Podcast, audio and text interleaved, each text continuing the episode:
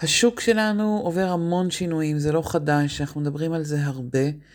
והשיחה עם חלי וניר, חלי נחמה עוזרי וניר גולן, אה, עשינו zoom in לתפקיד הגיוס בתוך המערבולת הזאת, בתוך כל השינויים האלה, מה האחריות שיושבת עלינו בהקשר של הפיתוח של אנשים בתוך הארגון. דיברנו על המונחים reskilling ו upskilling, על השדרוג של התפקידים ועל הכניסה ממש, על הליווי של אנשים בהסבת מקצוע, בכניסה לתפקידים חדשים, מה זה אומר, מתי נכון לפעול בצורה כזאת.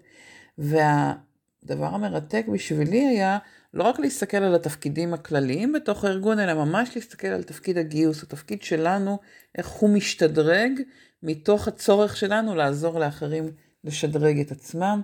באמת שיחה מעניינת כי היא ככה קצת באיזו הרגשה כמו של קובייה הונגרית, כל הזמן להסתכל על הדברים מזווית אחרת, על, על אותה תמונה, אבל להבין גם את המשמעות עבורנו, לגבינו בתוך הגיוס, גם את המשמעות אה, לגבי משאבי אנוש, אנשים מהדרכה, פיתוח ארגוני, החיבורים בינינו, וגם איך ביחד אנחנו עובדים מול המנהלים והעובדים בתוך הארגון. באמת שיחה מיוחדת, ולא רק בגלל שהקלטנו אותה בלילה, אלא באמת לקחנו את הנושא הזה וצללנו לעומק למשמעות גם עבור אנשי הגיוס משאבי אנוש וגם עבור הארגון, המנהלים והעובדים. פרק חדש בפודקאסט גיוס המקצוע, פתיחה ומתחילים.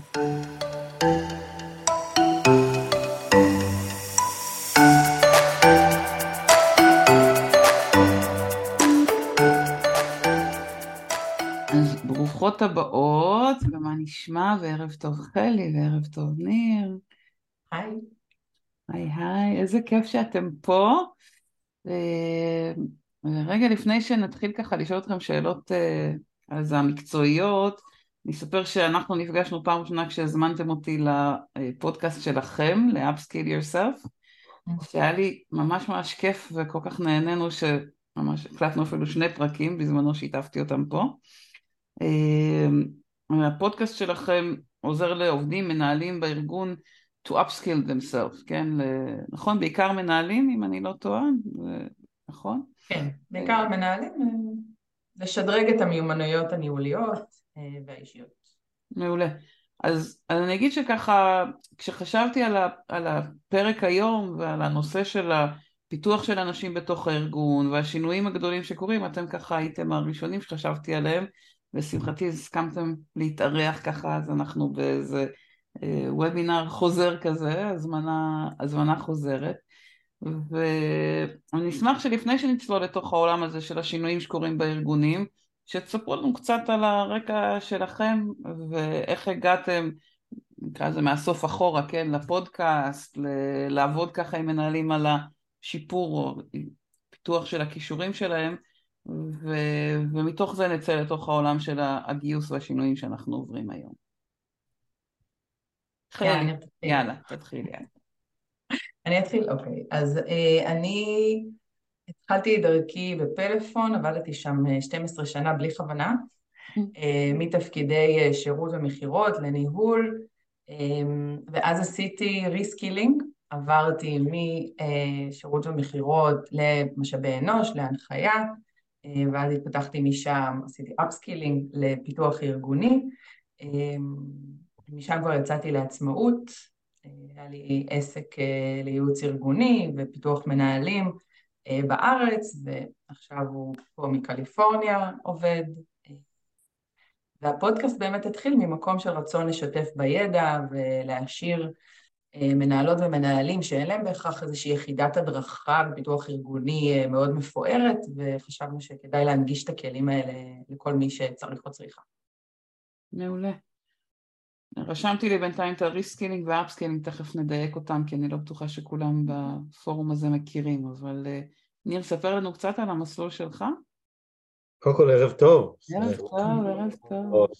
ערב טוב לכל השומעות. אה, כ-30 שנה מכשיר מנהלים בארגונים שונים, גם לוקאליים, גם גלובליים, הייטק, לואו-טק. תודה לאל כמעט בכל הסוגים הקיימים. אה, חלי ואני נפגשנו בפלאפון, עשינו ביחד אה, עבודה משותפת מרתקת. הוא לימד אותי את כל הבסיס של מה שאני יודעת, הוא מצטנע. תודה חלי.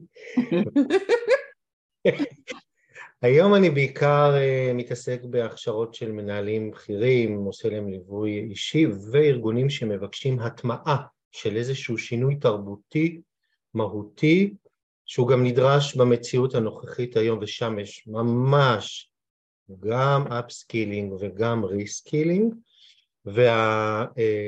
והסיפור הזה הוא סיפור שהופך להיות יותר ויותר קריטי עם המורכבויות של המשק הנוכחי, אבל אנחנו נרחיב את זה. זה המטרה שלנו היום בעצם, להבין מה, מה קורה למשק, מה קורה לשוק, ובעצם איך זה משפיע על אנשים בפנים, ו, ובוא, אם התחלת כבר לגעת בזה, אז בוא תעזור לנו להבין מה זה reskilling ומה זה upskilling, ומתוך זה נדבר על, ה, על השינויים ואיך הם משפיעים על הגיוס.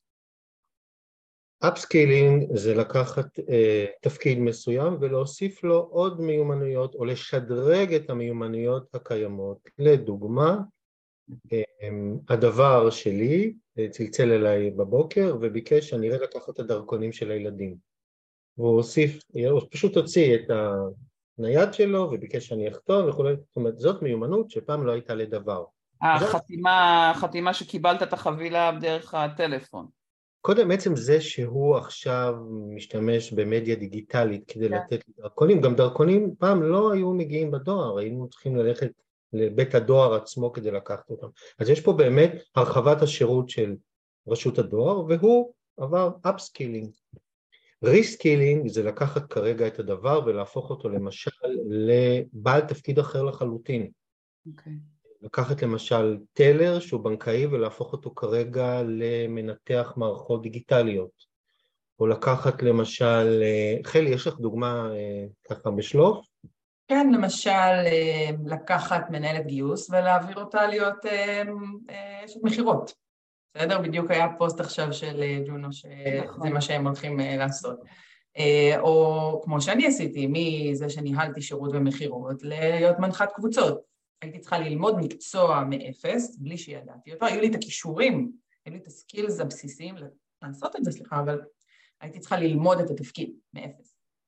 זה מעניין כי השפה הזאת של reskilling ו upskilling, וג'וש ברזין גם מדבר על redesign ממש של, של תפקיד בתוך, אותם, בתוך אותה שרשרת, זו שפה שאם אני מבינה נכון בעולם של ההדרכה של פיתוח ארגוני היא מאוד מאוד בסיסית אנחנו פחות חשופים לה, או בתחושה שלי אנחנו בעולם של הגיוס פחות מתעסקים עם העניין של נקרא לזה עיצוב מחדש של, ה, של הכישורים, של השילוב בין התפקיד והבן אדם והכישורים שנדרשים, אבל בעצם ממה שאתם מתארים זה נראה משהו שהוא מאוד בסיסי צריך להיות היום, כי התפקידים באמת כולם עוברים, מגייסות היום, צריכות גם מערכות גיוס, צריכות המון המון שינויים טכנולוגיים שנכנסו ויש עוד שינויים בכל התפקידים.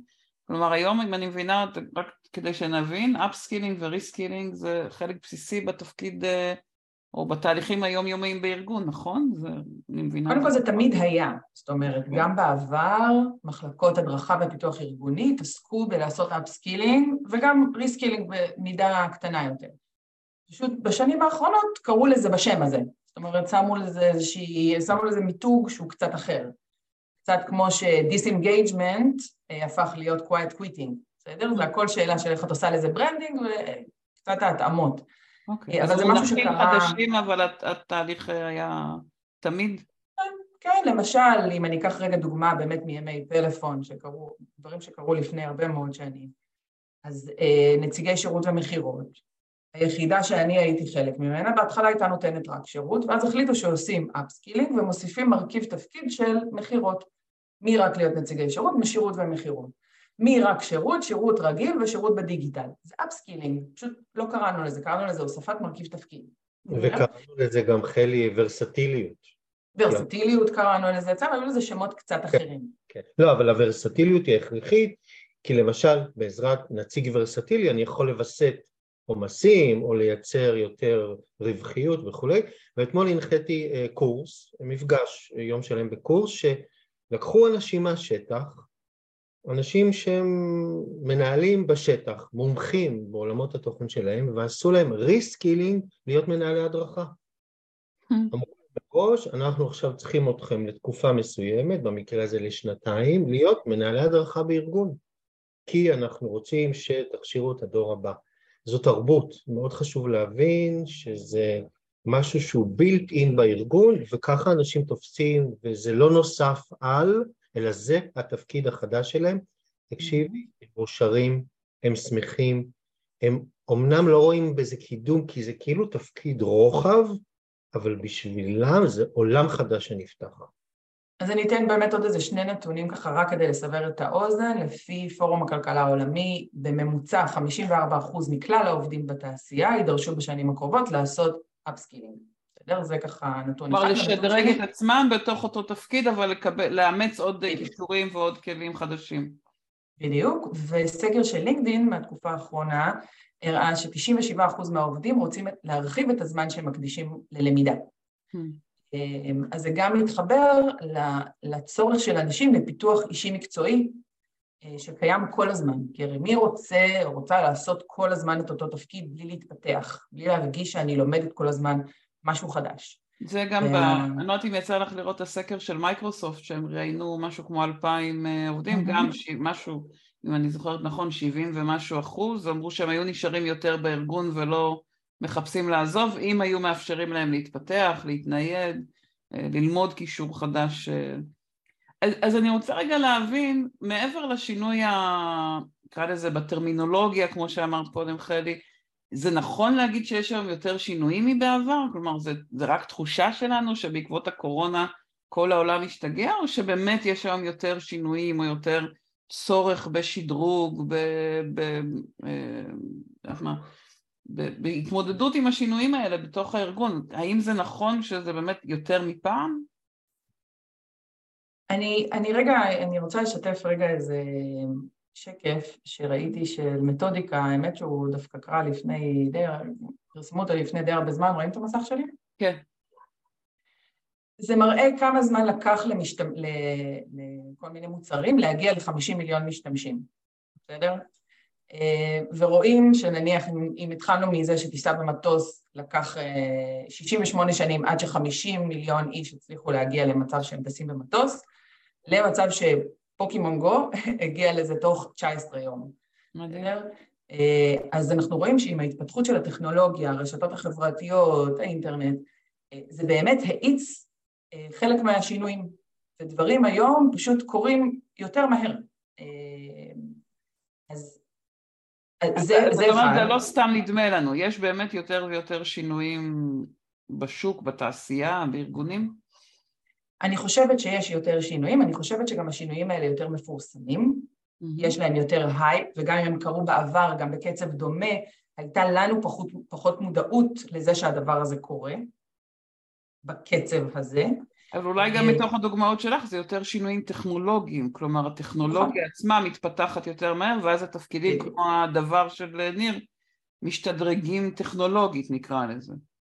וגם הקורונה אני חושבת שהאיצה המון המון תהליכים דיגיטליים בגלל העניין הזה שהיינו מרחוק ולא יכולנו להגיע פיזית למקומות, אז זה האיץ התפתחות טכנולוגית ושדרוג טכנולוגי שהרבה מאוד, אה, שאם לא הייתה קורית הקורונה זה היה קורה פשוט קצב הרבה יותר איטי.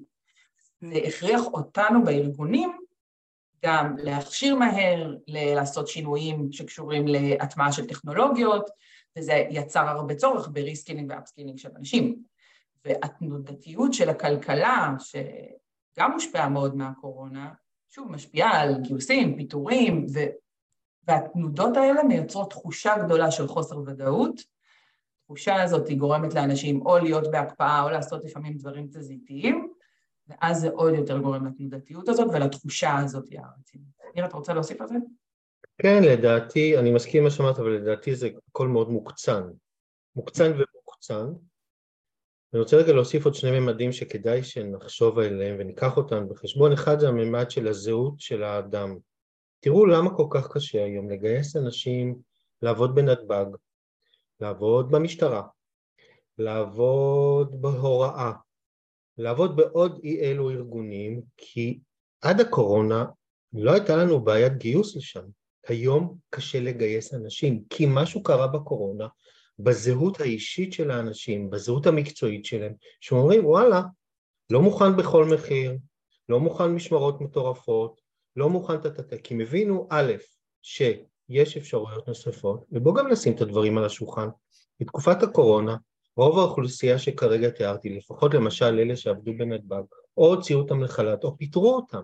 נכון. הם עברו איזשהו משבר זהות שצריך להתייחס אליו. עכשיו, אני שם אותו פה על השולחן, כי זה אולי קצת קיצוני, אבל כל אחד מאיתנו חווה איזושהי טלטלה בתקופת הקורונה, ולכן אחד הדברים החשובים שאמרת קודם אורית ונרחיב עליו בהמשך, זה איך אני משקיע משאבים היום ב-PDP של האנשים שלי, ב-Personal Development Plan או Process, כי היום זה הכלי העיקרי לשמר את האנשים.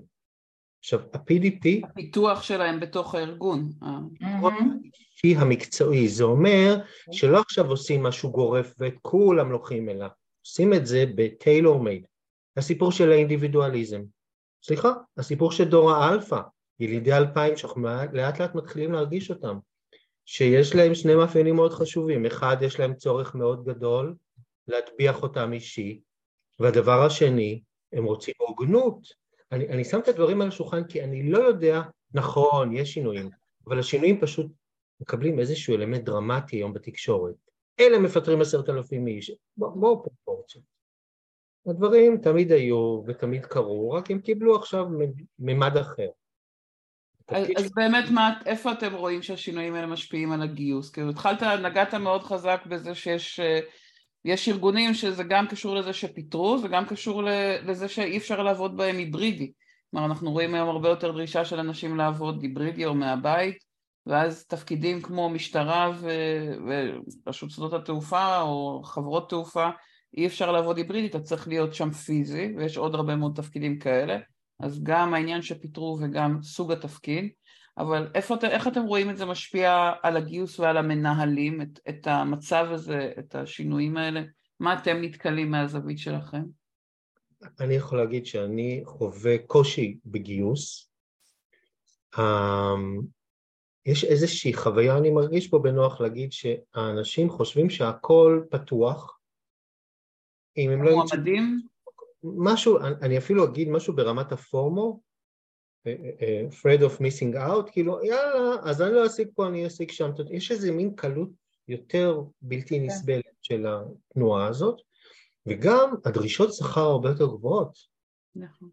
אה, ארגון הייטק שאני מלווה אותו כבר שמונה שנים, שהוא באמת, באמת ארגון מאוד איכותי, mm-hmm. לא מצליח לגייס אנשים.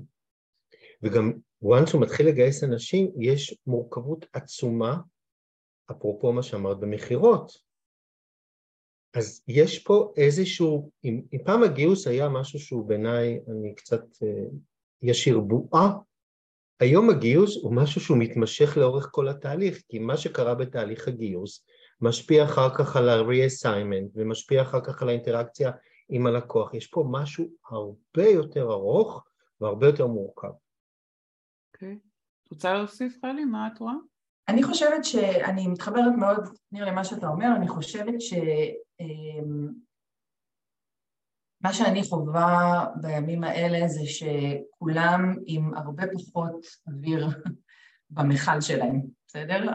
מגיעים מלכתחילה עם אה, פחות אנרגיה, קצת יותר שחיקה, שלוש שנים האחרונות היו מאוד קשות ומורכבות, אז יש איזושהי, איזושהי תחושה של אה, שחיקה של החומר, אה, ואני פשוט רואה אותם יותר עייפים להתמודד עם כל האתגרים האלה, אה, ועם פחות מוטיבציה לפעמים להתמודד עם הדבר הזה. את מדברת על, על המנהלים או על ה... גם וגם, גם וגם. אוקיי. Okay. אני, אני, אני רואה את זה גם מפה וגם משם, שממש תחושה של קושי לאסוף שוב את הכוחות להתמודד עם המשבר הבא שמגיע אלינו. וככל שזה קורה יותר, אז יש או מין נמנס כזה של טוב, הנה עוד פעם, או כבר עייפות כזאת של אה, חוסר רצון להתמודד עם זה עוד פעם. זה מה שאני בעיקר. נורא מעניין לשמוע את הזווית שלכם, דווקא בגלל שאתם לא, הגיוס הוא לא הלב של העבודה שלכם, אלא המנהלים, וזה ככה, בעיניי מה שאתם משמיעים זה את הקול של המנהלים בתוך התהליך הזה, ש... שאתם ככה מלווים. ואני אשאל אם, אם באמת כל כך קשה לגייס, ו, ודיברנו על, ה, על בעצם לפנות פנימה. בעצם העובדים שבתוך הגיוס החדש, קראנו לו בכותרת ככה של, ה, של הוובינר היום, בעצם הגיוס החדש אה, פונה פנימה ואומר, רגע, איך אני בתוך ה reshuffling הזה, בתוך ההסתכלות מחדש של הארגון, איך אני מפתחת את המנהלים, מפתחת את העובדים כדי שהם יצליחו אה, לתפוס תפקיד. זה, זה באמת, ה... זאת ההסתכלות שאתם גם רואים בתוך הארגונים, שהם מתחילים לעשות מין אה, ניוד כזה, reshuffling כזה של אנשים? רוצה להגיד לי? כן, חד משמעית, כי כבר גייסתי מישהו, הוא כבר כן. מכיר את הארגון, את הארגון, מכיר את התרבות של הארגון, אני גם מכיר את הכישורים שלו. איתך היה לנו אה, פודקאסט על הריאיון המצבי, ואחרי זה יש לנו גם פודקאסטים על, על אה, לפי כישורים. נכון. אז יאללה, בואו בוא נזהה את הכישורים של העובד ונעשה לו באמת את ה reskilling, upskilling המתאים. אני רק רוצה להוסיף עוד משהו למה שחלי אמרת קודם על המכלים חסרי החמצן. אני חושב שאחד הדברים שאותי מאוד מעניין היום, שאני מתעסק אה, או שותף לתהליכי גיוס, זה הסיפור של הרזיליאנס. הסיפור של החוסן, שפחות התעסקנו בו בעבר. Mm-hmm. אני חושב שהסיפור של ה-resilience הוא חלק, הוא אחד הפרמטרים היותר חשובים בתהליך הגיוס היום, ובעיניי גם מישהו שמצליח לעשות upskilling או reskilling, יש לו resilience, כי מה זה אומר? יש לו איזה backbone, איזה עמוד שדרה יציב, ואז אפשר באמת או להוסיף לו מיומנויות או להזיז אותו לכאן, והוא, והוא נהנה מזה, הוא, הוא מגלה את הגמישות, הוא אפילו גדל ומתפתח. אבל זה, זה ככה משהו שקפץ לי חלק ממה שאמרת. אבל בעצם, האמת שזה נורא מעניין שאתה אומר את זה, כי השבוע כתבתי פוסט, שבוע שעבר כתבתי פוסט על ה... אפשר לקרוא לזה על הרזיליאנס של אנשי הגיוס, כלומר גם לנו בתוך צוותי הגיוס, אה, אחד הדברים ש, שקרו לא מעט צוותים, דיברת קודם על הארגונים שמפטרים אה, עשרה, עשרת אלפים איש, חמש עשרה אלף איש, זה שקודם כל פיטרו את צוותי הגיוס, גם פייסבוק, גם אה, גוגל, חווינו לא מעט אה, חברים ש, ש, אה, שזה מה שקרה להם, שהם היו צריכים פתאום רגע להתאפס על עצמם, גם אינטל. פיטרו הרבה אנשים בתוך צוותי הגיוס, כאילו אוקיי אין עכשיו גיוס אז אפשר לפטר אתכם.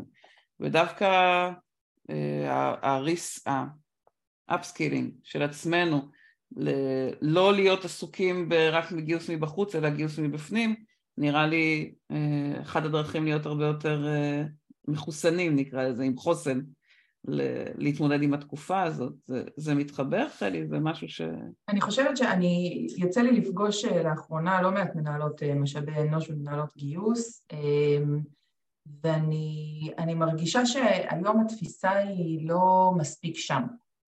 אה, זאת אומרת, באמת עדיין, אם, אם מגייסים זה יותר פנימה ומבחוץ, ואם אין כרגע גיוסים יש הקפאה, אז יותר תומכים ב-HR, ופחות hmm. מסתכלים על הארגון באיזושהי תפיסה אה, הוליסטית כזאת. בעיניי, אה, יש פה הזדמנות לגיוס. בעצם גם לעשות upskilling ברמה האישית, mm-hmm. ולשדרג את התפקיד האישי שלי. וגם להיות בעלות ערך אה, גבוה יותר לארגון. כי אם אני מסתכלת רגע, זה מתחברת לביזנס, מתחברת רגע לצרכים אה, ולאסטרטגיה הקרובה, לתקופה הקרובה, להבין רגע עם מה אנחנו מתמודדים, מה האתגרים שלנו, מה הפער בין המצוי לרצוי. ואני יכולה לראות בחלקת האלוהים הקטנה שלי, איפה אני יכולה לתרום ולתת יותר ערך. איזה תפקידים הולכים להיות חסרים לנו, עכשיו יש הקפאה של גיוסים, אז איך אני עדיין מצליחה לייצר פה מצב שאנחנו ממלאים את התפקידים האלה מכוח האדם שכרגע הולך להתייתר לנו. אז במקום לפטר אותם, בואו כבר עכשיו נתחיל לעשות להם, כי אנחנו יודעים שעוד שלושה חודשים נהיה שם, אנחנו צריכים אותם עכשיו לשלושה חודשים הקרובים, אחרי זה לא נצטרך אותם. בסדר? אז, אז בואו ננסה לראות מי שמתאים, לא בכוח, כן? אבל מי שמתאים, בואו נתחיל לעשות לשם איזשהו, איזשהו פיתוח. לייצר פה מסלולי קריירה ולעזור ביחד עם, עם הדרכה ופיתוח ארגוני, לעזור למנהלים לעשות לעובדים איזשהו אה, מסלול קריירה כזה של מה התפקיד הבא שהיית רוצה שיהיה לך, מה התפקיד הבא הבא, בוא נעזור לך או לך לבנות את עצמכם לקראת התפקיד הזה. אה, וכשאני מסתכלת על זה מנקודת מבט כזאת, כשאני מסתכלת על הארגון בכללותו, אה, אני חושבת שיש פה פוטנציאל התפתחות גדול לכולם, וזה בסוף משפיע על הביצועים. אני יכול לתת דוגמה, בדיוק למה שחלי כרגע ציינה, בארגון ההייטק שסיפרתי עליו מקודם, יש שלוש מגייסות, שכל אחת מהן מוצמדת לדומיין אחר. נכון שהיא מגייסת לדומיין, אבל once היא גייסה לדומיין, וזה מאוד חשוב, זה נראה לי סוג של upskilling, a trusted advisor של המוביל של הדומיין. מה זה אומר? הוא מתייעץ איתה לגבי איזה משימות לתת לכל אחד שהיא גייסה. עכשיו ברגע שהיא מייצרת הצלחה עסקית, היא הרבה יותר מדויקת, Hmm. היא הופכת להיות trusted advisor, והסיפור הזה הוא מאוד משמעותי, כי היא לא מפסיקה את התפקיד שלה ברגע שהיא גייסה, הוא ממשיך להתייעץ איתה, היא משתתפת בדיונים של reassignment, היא ממש אה, אה, חלק מה... חלי, את אמרת פיתוח אישי מקצועי, היא עוד לא שם, כי זה משהו שהוא עדיין נמצא בקטגוריה של המנהלים. אבל היא שותפה. נכון, אבל אני כן, כן חושבת שהיכולת שה, של הגיוס לבוא ולהגדיר איזה סקילסט אני צריכה לכל תפקיד, בסדר? זה תומך בהדרכה ופיתוח ארגוני, שיכולים לתת את הכלים, איך להביא אותם מ... לא יודעת מה, לזהות את הסקילים בכל תפקיד ולעזור לבנות את הסקילים לתפקיד הבא, בסדר? וברגע שה... תפקידים ממופים וברור לנו איזה סקילים יש לכל דבר, גם הרבה יותר קל לנו לשחק עם זה ולהגיד, אוקיי, מפה יותר קל לי להעביר אנשים לפה, מפה זה יותר מורכב וכולי. בעצם שתי הדוגמאות שאתם אה, נוגעים בהן, או הכותרות שאתם שמים, מעלים את ה... נקרא לזה את האתגר, אני חושבת, או את, ה... את המורכבות שיש בהרבה ארגונים, שבהם הגיוס הוא רק עד שהבן אדם נכנס אה, לדלת, ו... ומקסימום אולי בראיון עזיבה, בטח אם זה בשנה הראשונה עוד מראיינים, אבל אחר כך זה כבר מה שנקרא עושים העברת מקל, ו... וזהו, ושם נגמר תפקיד הגיוס, ברגע שגייסתי, טאק, עובר הלאה. ואז מה קורה? ואז מה קורה? אז מישהו רוצה להתקדם לתפקיד ניהולי, ומי מחליט אם הוא מתאים לתפקיד ניהולי או לא? בין פיתוח ארגוני לבין HRBP לבין המנהל, כן, זה כאילו עובר, אה, עובר ידיים או לא באחריות של הגיוס בהרבה מאוד ארגונים.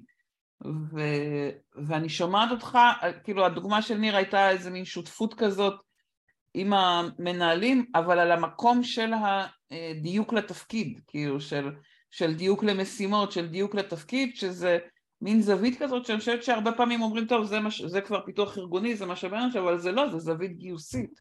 זה זווית של לעזור לעשות את המאץ' הזה. מורית, אבל זה, זה מאוד פרסונלי, וזה מאוד, אני שוב חוזר על ה-trusted advisor. זאת אומרת, רק מגייסת שמסוגלת, מגייסת מגייסת שמסוגלת להיות ה-trusted advisor, היא מי שת... שהמנהלים יאמצו אותה, אבל אתה יודע, זה מין ביצה ותרנגולת כזאת. ב...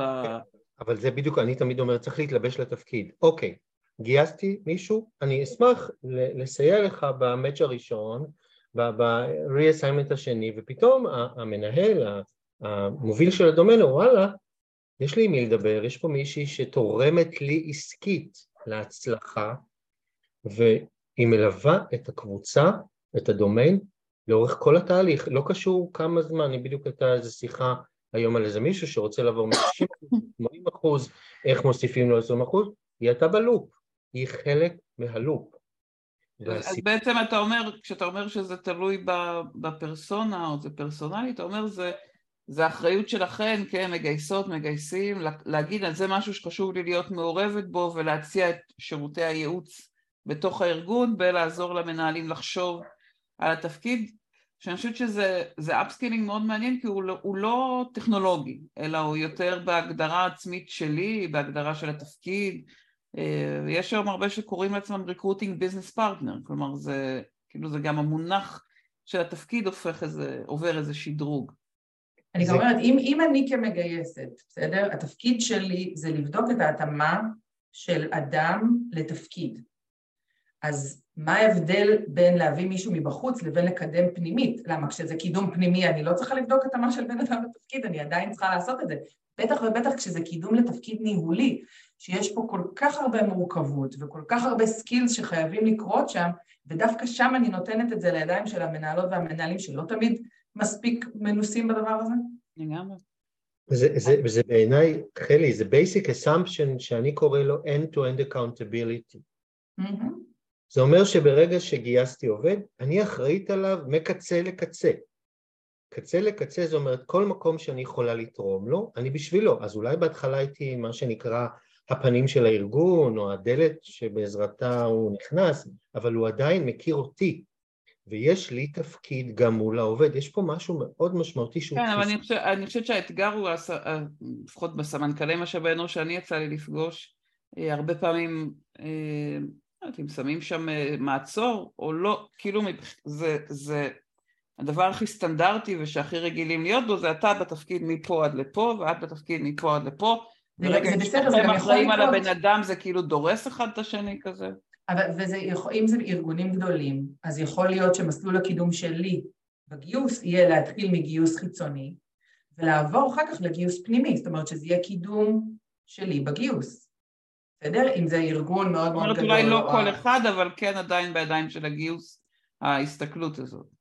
לי עדיין קשה עם הנוקשות הזאת שכרגע תיארת מורית. בואי, במציאות היום... אני, אני מסכימה, אני רק אומרת זה לא רק בידיים של המגייסת, אלא זה בידיים של מי שמוביל את הצוות הזה. נכון, אז, אז מנהלת משאבי אנוש, יש מתחתיה צוות כזה וצוות כזה וצוות כזה, אומרת, אני רוצה שכולם יעשו הכל. אני רוצה שכל אחד אולי תתמחה בעולם התוכן שלה, אבל בסוף כולן תלווינה את העובד, את המנהל במקומות שהן חזקות. וזו תפיסה נפלאה, היא תפיסה אינטגרטיבית, היא תפיסה אג'ילית, למה את מחייכת מורית? אני אוהבת לשמוע את זה סתם, מחייכת מהתחברות. טוב, אבל בוא, בוא, אני מציע שנצעד קדימה, אני באמת... אני, אני מסכימה איתך, אתה יודע מה, בוא ניקח את זה רגע לתפ... למשהו יותר מורכב. נגיד, מתוך משאבי אנוש להפוך להיות יועצת, כאילו קל לראות, אבל אני רוצה רגע להסתכל עם הפנים לתוך הארגון, ואני אגיד, יש תפקידים שזה לא כזה בקלות ה upskilling, uh, הרבה פעמים יש ממש uh, תפקידים שמתייתרים ותפקיד חדש שצריך uh, לעשות לו, איך אמרנו קודם, reskilling לגמרי מאפס. זה, לכל תפקיד אפשר לעשות כזאת, uh, כזה שדרוג, כי אתם חושבים שאתם, מהניסיון שלכם אפשר כל כך בקלות לעשות הכשרה מחדש לא, להרבה? לא, זה לא קל. ריסקילינג זה לא דבר שקל לעשות. גם העלות של reskilling לעומת upskilling, בסדר? העלות של reskilling היא יחסית גבוהה, מדברים על משהו כמו 24 אלף דולר per עובד, כן? שזה משהו משמעותי מצד אחד לצד שני. ובגלל זה זה גם הרבה יותר רלוונטי לארגונים מאוד גדולים, שכמו למשל בבנק מעבירים טלרים לצורך העניין לניהול מוצר או ל-QA ועושים הכשרות גדולות וכולי.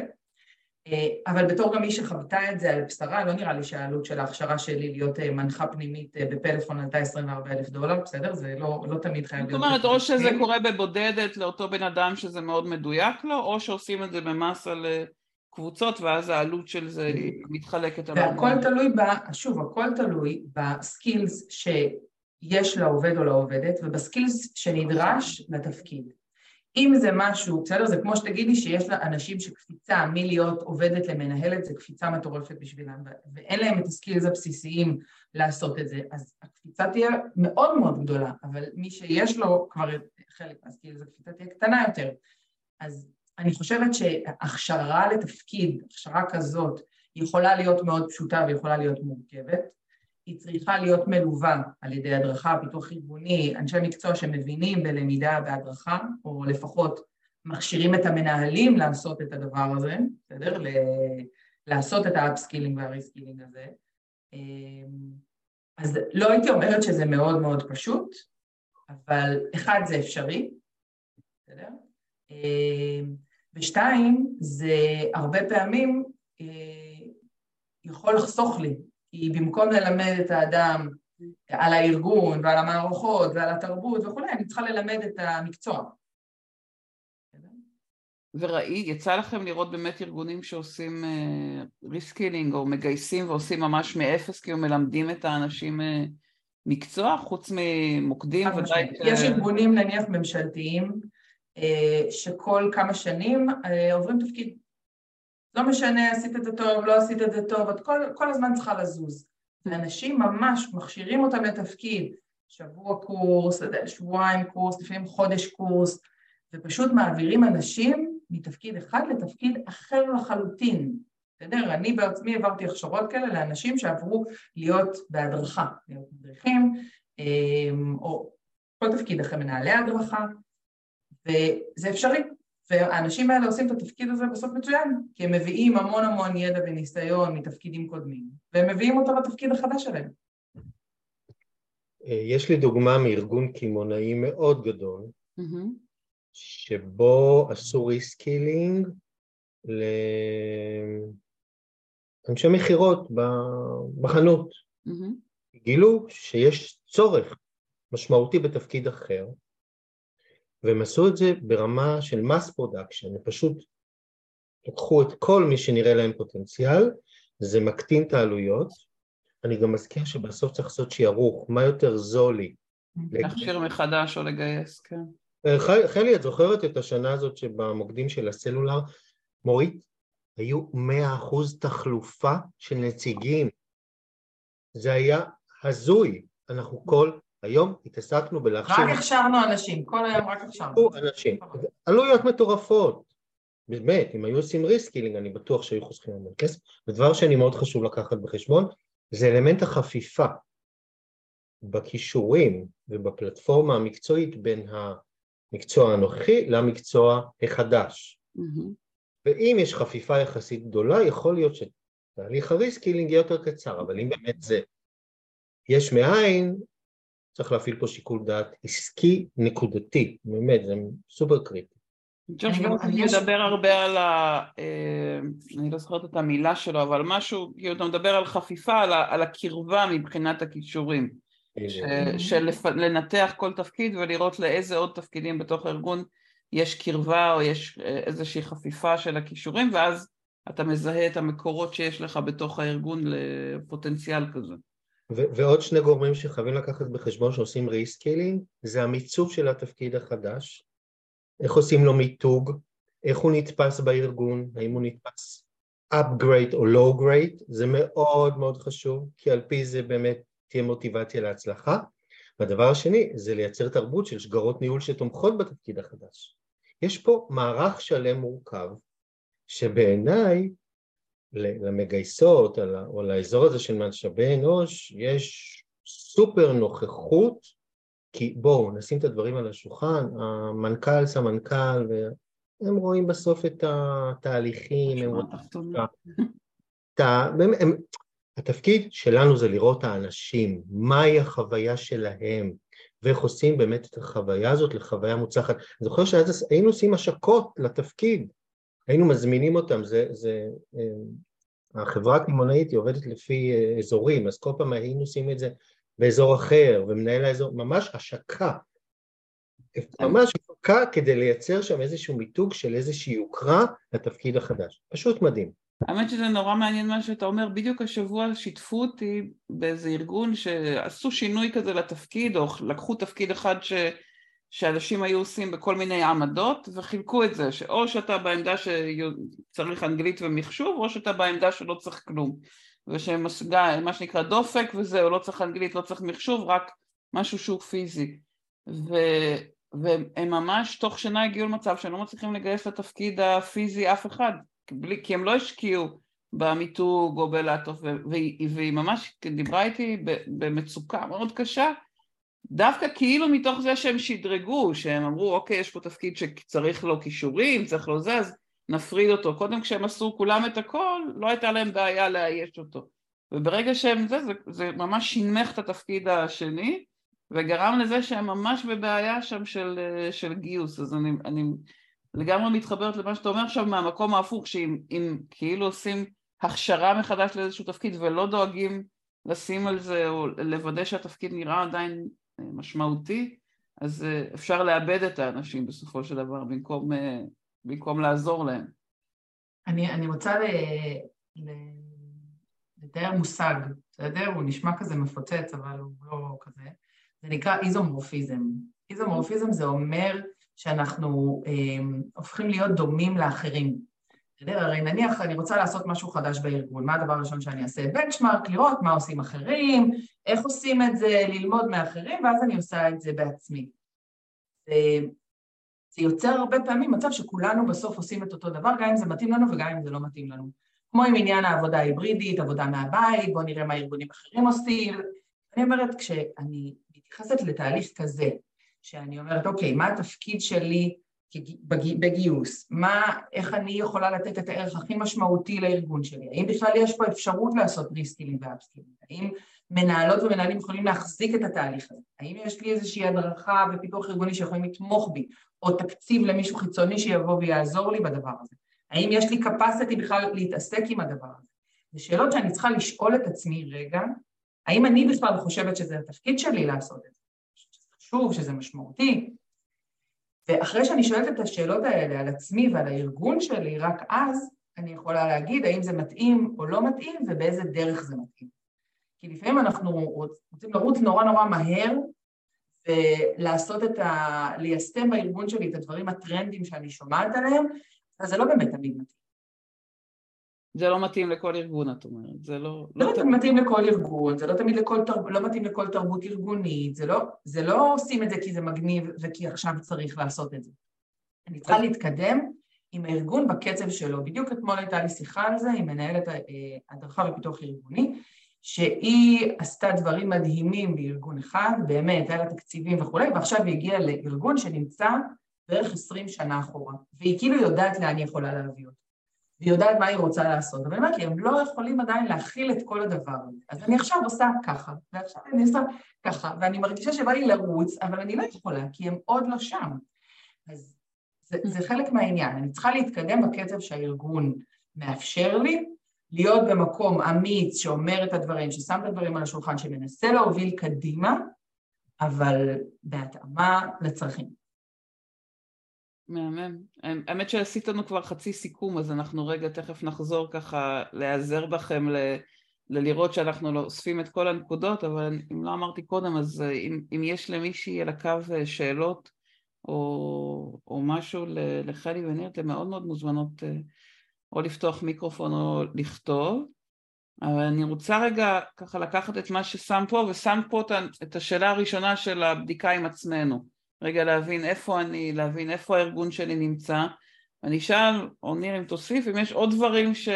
ש... שכדאי לי להתחיל לעשות בבדיקה הראשונית לפני ש... שנגדיר מה, מה צריך, בעצם אז מה ה... נקרא לזה ההיערכות בגיוס לכל אותם שינויים, אני רואה שיש קושי בארגון לגייס, אני רואה שכל השינויים האלה בשוק בחוץ ככה מעכבים אותנו, מה הצעדים שצריך לעשות, אבל חלי התחילה ככה בבדיקה העצמית שלי ושל הארגון, מה, מה אתה היית רואה בתור הצעדים הראשונים יחד עם זה? אני מסכים, ודרך אגב חלי עכשיו הטרדת אותי כי אני מנסה לחשוב האם, האם הפכנו להיות דומים אחד לשני. היינו מלכתחילה.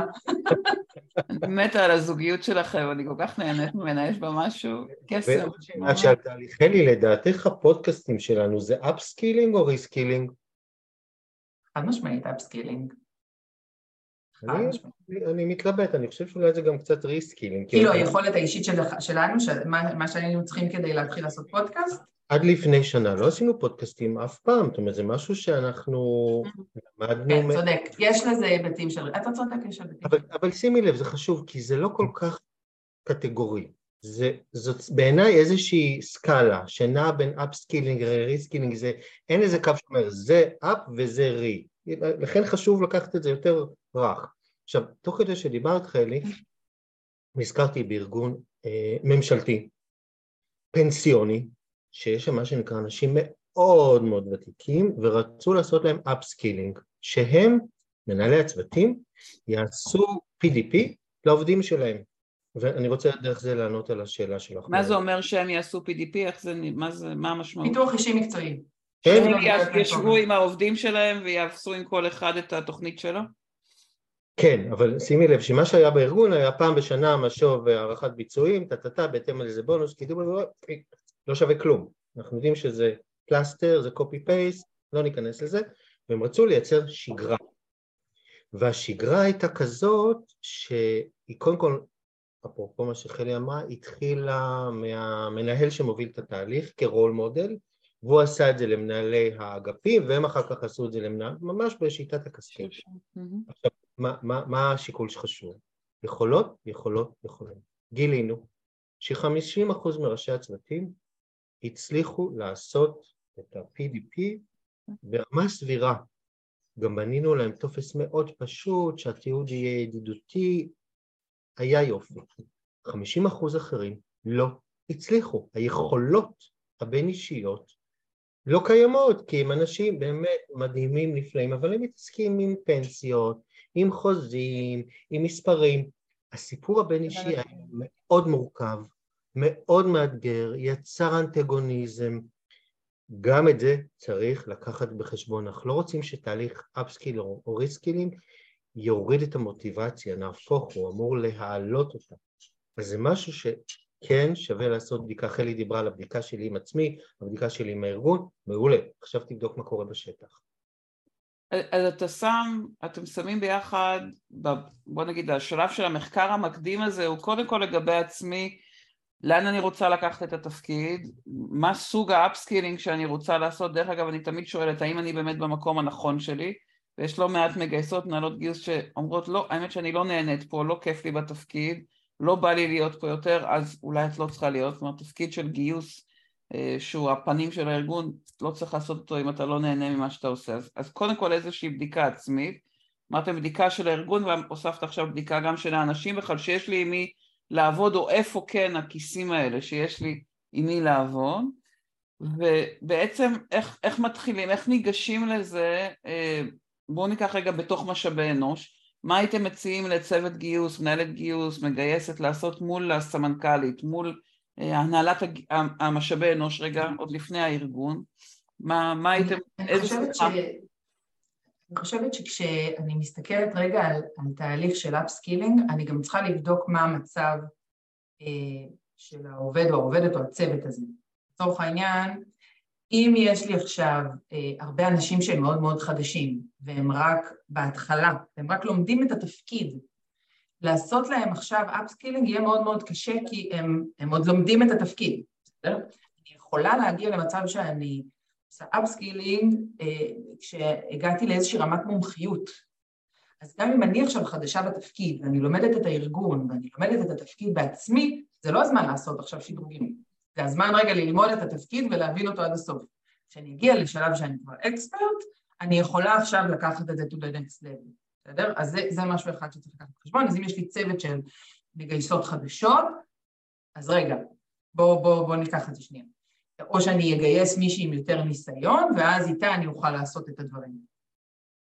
אני חושבת שהשלב הבא זה להסתכל רגע אה, ולמפות, אוקיי? את ה... גם ברמה העסקית, איפה אנחנו ולאן אנחנו רוצים להגיע, כמו שדיברתי על זה קודם, מה, מה האתגרים שהולכים להיות לנו, מה הארגון מתעסק בשנה הקרובה, בסדר? איזה אתגרים עסקיים יש לנו, שהגיוס יכול לתת שם כתף, בסדר? אמ, איזה תפקידים כנראה יתייתרו, איזה תפקידים נצטרך מהם יותר.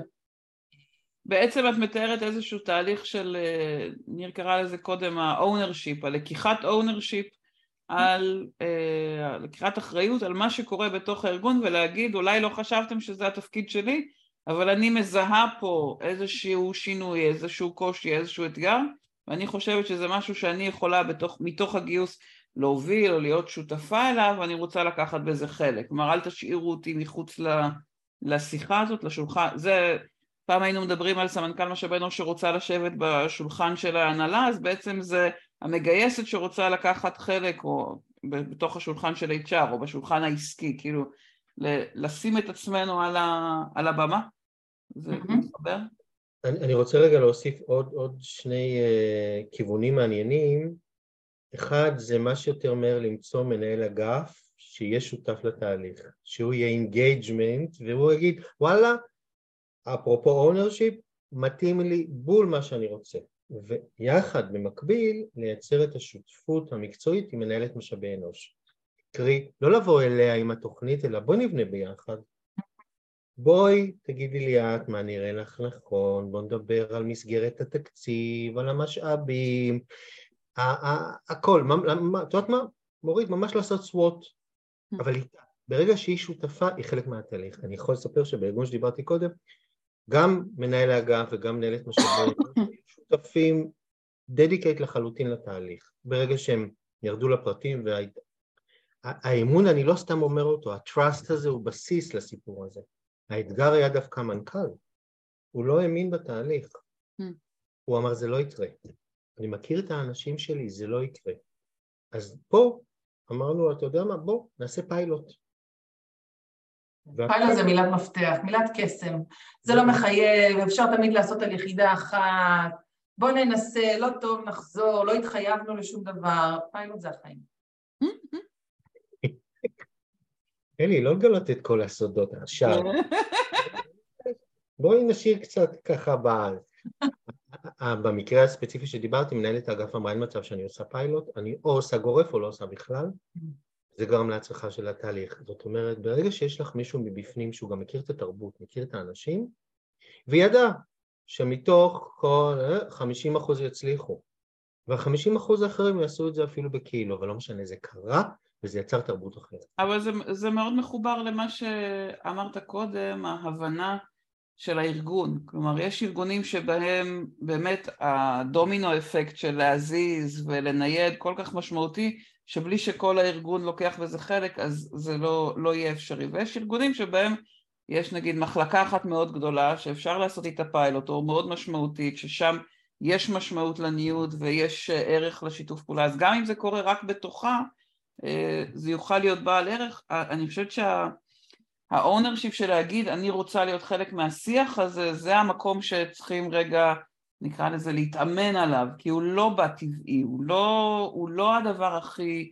אני זוכרת המון המון שיחות עם מגייסות שאומרות לי, אבל זה לא התפקיד שלי, זה לא אחריותי, אני נגמר לי פה ברגע שהם נכנסים, אני מעבירה את השרביט וזה לא שלהם, אני מכירה גם סמנכ"ליות שלא בדיוק בקלות פותחות לשם את הדלת, כלומר, אתה מבין? כאילו לכן... נכון.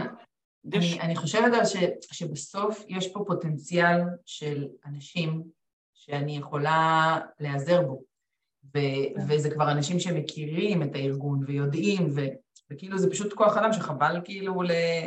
מה שנקרא...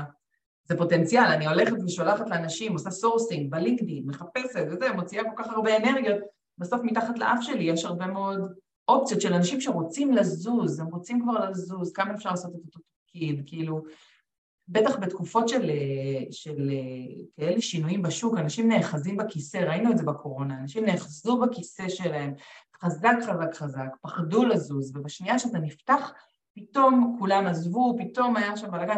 אנחנו רוצים למנוע את המצב הזה שיקרה שוב, כי עכשיו עוד פעם פיטורים וכולי, אנשים עוד פעם נאחזים בכיסא. ואז מה? כשעוד פעם המצב יחזור לאיזון בשוק, הם ילכו, לא, אני רוצה לשמור אותם אצלי. ואני רוצה להוסיף עוד משהו, אני חושבת ש... אמ, כדי להצליח לעשות דברים כאלה, כשאני רואה מטרה שהיא רחוקה ממני מדי, זה לא יקרה טוב, זה לא מתאים לנו, זה לא, זה גדול מדי. אני אומרת reskilling זה משהו מורכב, קשה, הוא קשוח, לפעמים יש לו עלויות גבוהות, צריך הרבה משאבים בשבילו. upskilling, קטן יותר. קטנה. זה להוסיף מרכיב תפקיד קטן, חמוד, בסדר? ואני יכולה להתחיל משם. אני מתחילה משם, מפיילוט, ממשהו קטן, מראה איך אפשר לשדרג את ה... או להוסיף מרכיב תפקיד לתפקיד מסוים, רואים כי טוב, יש יותר אמון, בדיוק כמו שניר דיבר עליו, רואים שאני מביאה עוד ערך, סומכים עליי יותר, נותנים לי לעשות עוד משהו. זאת אומרת, זה יכול להיות ב baby steps, זה לא חייב להיות הכל או כלום. מה שאני אוהבת בשיחה הזאת, מעבר לזה שאני אוהבת תמיד לדבר איתכם, אה, אתם צריכים לראות אותנו בשיחות הכנה, הן נראות בדיוק ככה, ו, ואני אומרת, מה שנורא מעניין בשיחה הזאת, שאנחנו מדברים כל הזמן במקביל על ה upskilling וה reskilling של עצמנו, של צוות הגיוס, ביחד עם ההסתכלות על ה upskilling ו reskilling של הלקוחות שלנו, של האנשים בתוך הארגון. כלומר, יש פה שני תהליכים מאוד מאוד מקבילים, ויכול להיות שככל שאנחנו מבינים את השדרוגים, את ההתפתחות שאנחנו צריכים לעבור, יהיה לנו יותר קל להסתכל החוצה ולהגיד גם לאנשים בתוך הארגון, בואו נעשה לכם את הניוד כמו ש... אני עברתי אותה, התפתחות כמו שאני עברתי בתפקיד. שכוללת לפעמים את ההתנגדות שלי לעצם התהליך הזה, נכון. והאם זה בכלל התפקיד שלי או לא, זה מתאים לי או לא מתאים לי, כי אלה השאלות שכל האנשים שעוברים את התהליך הזה ישאלו את עצמם. ומה שאמרת מורית הוא קריטי, כי זה בדיוק ה role model. אני כרגע חוויתי reskilling.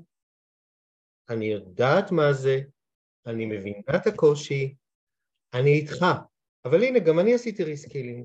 אין יותר מזה בונה trust. אני לא אגלה עכשיו בסוד, אבל לפני, חלי יודעת, לפני חצי שנה אמרתי, אני חייב ללמוד משהו שבחיים לא עשיתי. Hmm. אני הולך לעשות reskilling. תקשיבי, מורית, זה היה סיוט. אוסיף שאחד הדברים החשובים ב reskilling זה long term, זה lifelong learning, זה לא שרגע עכשיו רכשת את המיומנות, כל הזמן יש שם איזשהו מאבק ולכן התפקיד שלנו זה להראות כל הזמן איך זה מתחבר לצורך. אז כל פעם הזכרתי על עצמי, למה אתה עשית את זה לעצמך? למה עשית את זה? וכל פעם שחזרה המנטרה, זה הצליח. בסוף היום אני עושה את זה מדהים. אני רוצה לתת גם דוגמה מחברה שדיברתי איתה לאחרונה. רגע, אבל היא צריכה לנחש איזה reskilling עשיתי. אה, היא לא תנחש בחיים. יש לי איזה דברים שאמרת לי, אז תגלה לנו, כי אני לא טובה בניחושים, אני שונאת לנחש, תגלה לנו. למדתי לסרוג. אה, סיפרת לי, ידעתי ששמעתי את זה. וואי. ואתה סורג כבר או שאתה... אה, מה זה סורג? אני ראיתי צעיף מהמם. אם היה מסך מספיק גדול פה, הייתי יכול להראות לכם את ה... אין לי מושג מה אתה סורג, אבל זה מכוער. אבל ככה מתחילים. דרך אגב, מי, שצריך, מי שלומד לסרוג צריך לדעת גם לפרום, זה השיעור לחיים של אימא שלי. אז, נכון. אז רק תתאמן גם על הפרימה באותו זה. תספר על חברה שלה? אמ, אז יש לי חברה שהייתה, אמ, היא מפתחת אה, הדרכה כבר הרבה מאוד שנים, אה, ולמדה לאחרונה ייעוץ ארגוני, והתחילה לעבוד אה, בארגון לפני איזה כמה שנים, ובמקביל לזה התחילה ללמוד ייעוץ ארגוני, והיא אמרה, כן, אני אעבוד בארגון הזה עד שאני אסיים את התואר, ואז אני אתחיל לחפש כאילו משהו בחוץ כדי להתחיל לעבוד בתואר שלמדתי עכשיו. אמרתי תגידי, למה, למה שתחפשי בחוץ? כאילו, אולי תנסי להתאמן על הדבר הזה בתוך הארגון, כי את כבר מפתחת למידה, את כבר קרובה למנהלים. בואי, תבקשי מהמנהלת שלך להתחיל לעשות ייעוץ למנהלים, לעשות פה, לעשות שם, והיא באמת עשתה את זה, ונתנו לה עכשיו, נתנו לה קבוצה, והיא הובילה קבוצה של מנהלים שעברו פיתוח מנהלים, ועשתה קצת הנחיית קבוצות, וליוו אותה, מדהים. ודיבר, ועברה מאז, עברו איזה שנה או שנתיים, ודיברתי איתה ממש לאחרונה, ואני אומרת לה, נו, מה קורה? אומרת לי, כן, אני מתחילה לחשוב להיכנס, לצאת החוצה. אמרתי לה, למה? אבל מה... אמרת לי, כן, מיציתי קצת את הקבוצה הזאת, ולא נותנים לי לעשות ייעוץ אחד על אחד למנהלים, אז נראה לי שאני אתחיל לחפש החוצה. ושאלתי אותה, תגידי, כש, כשרק התחלת להתעסק עם הקבוצה הזאת, היו לך מחשבות אה, לעזוב, כאילו, אמרתי לא, האמת שעד שכאילו הרגשתי שאני מבינה את הפואנטה, הייתי בהיי, לא, לא הרגשתי שאני בכלל רוצה משהו רציתי למצות את החוויה. אמרתי, אוקיי, אז מה, מה עכשיו, אם לא ייעוץ למנהלים אחד על אחד, מה עוד יביא לך את התחושה הזאת של האתגר, של העניין? ואם מצא משהו אחר, אז היא אמרה, אוקיי, בואי תחי שלך ותדאג, או שהיא תשלח לך את הדלת לפה, או זה, והצורך הזה שלנו באתגר, בפיתוח אישי, בפיתוח מקצועי, זה בסוף מה שמייצר את ה engagement, נכון. זה מה שמייצר את הרצון שלי להשקיע ולתת את הזמן שלי, את האנרגיה שלי, את, ה, את השעות הכי יפות שלי ביום, יודע? לארגון. Okay? זה, זה בעיניי הווין ווין, זה לא שאני רק מקבלת שכר, לא, אני גם מקבלת הזדמנות, במה, מגרש משחקים, לשחק בו ולהתנסות בו בדברים ש, שמאתגרים אותי. הזכרת לי עכשיו את, ה, את השינויים שאני עשיתי כשהייתי שכירה, כן? באינטל כל פעם הייתי רק מתחילה להתבסס בתפקיד, והמנהל שלי, הגאון רענן, שאני כל כך mm-hmm. חייבת לו הרבה, רגע לפני שכבר היה משעמם לי, אומר לי, עכשיו אני רוצה אותך לתפקיד mm-hmm. חדש. וכל פעם זה היה תפקיד שלגמרי לא הבנתי בו כלום, כי התחלתי מרילוקיישן שלא היה צריך uh, לדעת הרבה, ועברתי לגיוס, ועברתי לייעוץ ארגוני, כאילו זה היה uh, התפקיד, ו... באיזשהו שלב כשהוא עזב וכבר הרגשתי שאני תקועה, הבנתי שזה כבר לא בשבילי ו- וכבר לא ידעו לעשות את זה בשבילי, את, ה- את הדיוק של הניוד. שמו אותי בתפקידים שמאוד מאוד לא נהניתי מהם וקמתי ועזבתי, אבל זה מה שאני עושה לעצמי היום כעצמאית, אני כל הזמן מחפשת איך ללמוד עוד ואיך לעשות עוד וזה, כדי, כדי שלי יהיה מעניין. אבל את, את כל כך צודקת שה... שמנהל שיודע לעשות את ה-PDP, אמר, זה המונח? Mm-hmm. לעשות את זה, זה משאיר את האנשים בארגון גם הרבה הרבה הרבה שנים, זה, אבל זה צריך לזהות את, את מתי צריך לעשות את זה ולאיזה תפקיד זה נכון להעביר, זה, ה, זה הכוח. וזה בדיוק המקום של אה, מישהי שמגייסת, שאומרת, כן, אני, יש לי חיישן, שבעזרתו אני מזהה איתותים של חוסר שביעות רצון של העובד, אני משקפת את זה למנהל ואני מסייעת לו בתהליך. זה נראה לי המקום הכי טבעי של הסיפור הזה. אני סופר מסכימה, אני לא בטוחה ש... אני, אני, אני בטוחה שהרבה לא עושים את זה. אני, אני חושבת שיש פה איזשהו תהליך של אה, לאפשר לעצמנו אה, בתוך הגיוס להיות במקומות האלה שהם כאילו מחוץ לתחום להר... נתפסים להרבה מגייסות.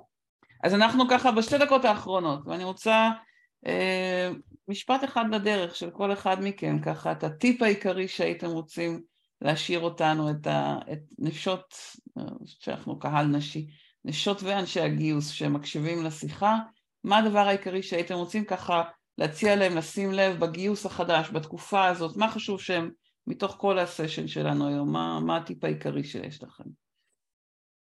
יש כן. משפט שאני מאוד מאוד אוהבת, אה, שאני משתדלת לחיות אותו בפועל, שאומר, אה, אם תמיד תעשה את מה שתמיד עשית, תמיד תגיע רק לאן שהגעת. מהמם. כלומר, להיות כל הזמן באיזה מקום של לחפש את המשהו שעוד לא עשיתי. זה ה... זאת ההזמנה שלה. מהמם. ניר. אני חושב ש... אני גם לוקח עכשיו מהוובינר שלנו שהסיפור הכי חשוב זה שהאדם במרכז. וברגע שאני שם אותו במרכז אני קשוב לו, והוא יודע שאני קשוב לו, והוא מרגיש את תשומת הלב שאני משקיע בו, וזה מה שכרגע אנשים מחפשים בארגונים, שיראו אותם, שיקשיבו להם ושייתנו להם את המקום האנושי. בעיניי זאת פריצת הדרך של המאה ה-21. קודם כל נהדר. אני נורא אשמח אם יש מישהו על הקו שתכתבו לנו ככה איך, איך אתם יוצאות מהמפגש הזה, כי הייתם מאוד שקטות ו- ואנחנו הרשנו לעצמנו לדבר מתוך זה, אבל אם תכתבו לכתוב ככה לחלי ולניר, לי היה מרתק, אז קודם כל המון המון המון תודה אה, לשניכם ככה על החברות והשותפות והחשיבה המשותפת, ואני מקווה שזה נתן ככה אה, רעיונות ומחשבה, בעיקר על עצמנו, אה, לכל אחד מאיתנו. ואני יודעת שאני הולכת להקשיב עוד פעם לשיחה, שזה לא קורה לי הרבה, אבל אני אקשיב עוד פעם ונוציא ככה את הנקודות העיקריות לשתף אה, גם את אלה שלא יכלו להתפנות בערב. אבל uh, הנה קרן כותבת תודה, ואני אשמח ככה. אני רוצה להגיד אפילו, אפשר? כן, בטח, תגיד. אני בלי מצלמה, כי זו שעה שפחות בא לי אה, עם מצלמה עכשיו, אני מודה. אבל היה, היה באמת מרתק וסופר חשוב ומעניין ורלוונטי לכל אחד ואחד, גם לאנשי גיוס ומשאבי אנוש ולא רק. אה, אבל אני לוקחת מזה המון. ובסוף, שוב, בסוף הדברים הם נורא תלויים ארגון ופתיחות של ארגון ובטח מנהלים בכירים, אז אז למרות כל הרצון שלי לקחת את זה, בסוף יש מורכבויות בדרך. מאה אחוז, לגמרי. אבל, אה, אבל זה נקודות למחשבה, וזה מאיר עיניים, אז תודה. איזה כיף, תודה הדס, תודה רבה, והנה כותבים פה גם שהיה מרתק ומעורר מחשבה, אז לי אין ספק ש, שכולנו הרווחנו, גם אני, למרות שאני לא בתוך ארגון. אז שוב תודה על הזמן, ויאללה חלי, בואי הביתה כבר, אנחנו רוצים לראות. לילה טוב לכולם. תודה רבה. תודה. תודה רבה. ביי לכולם.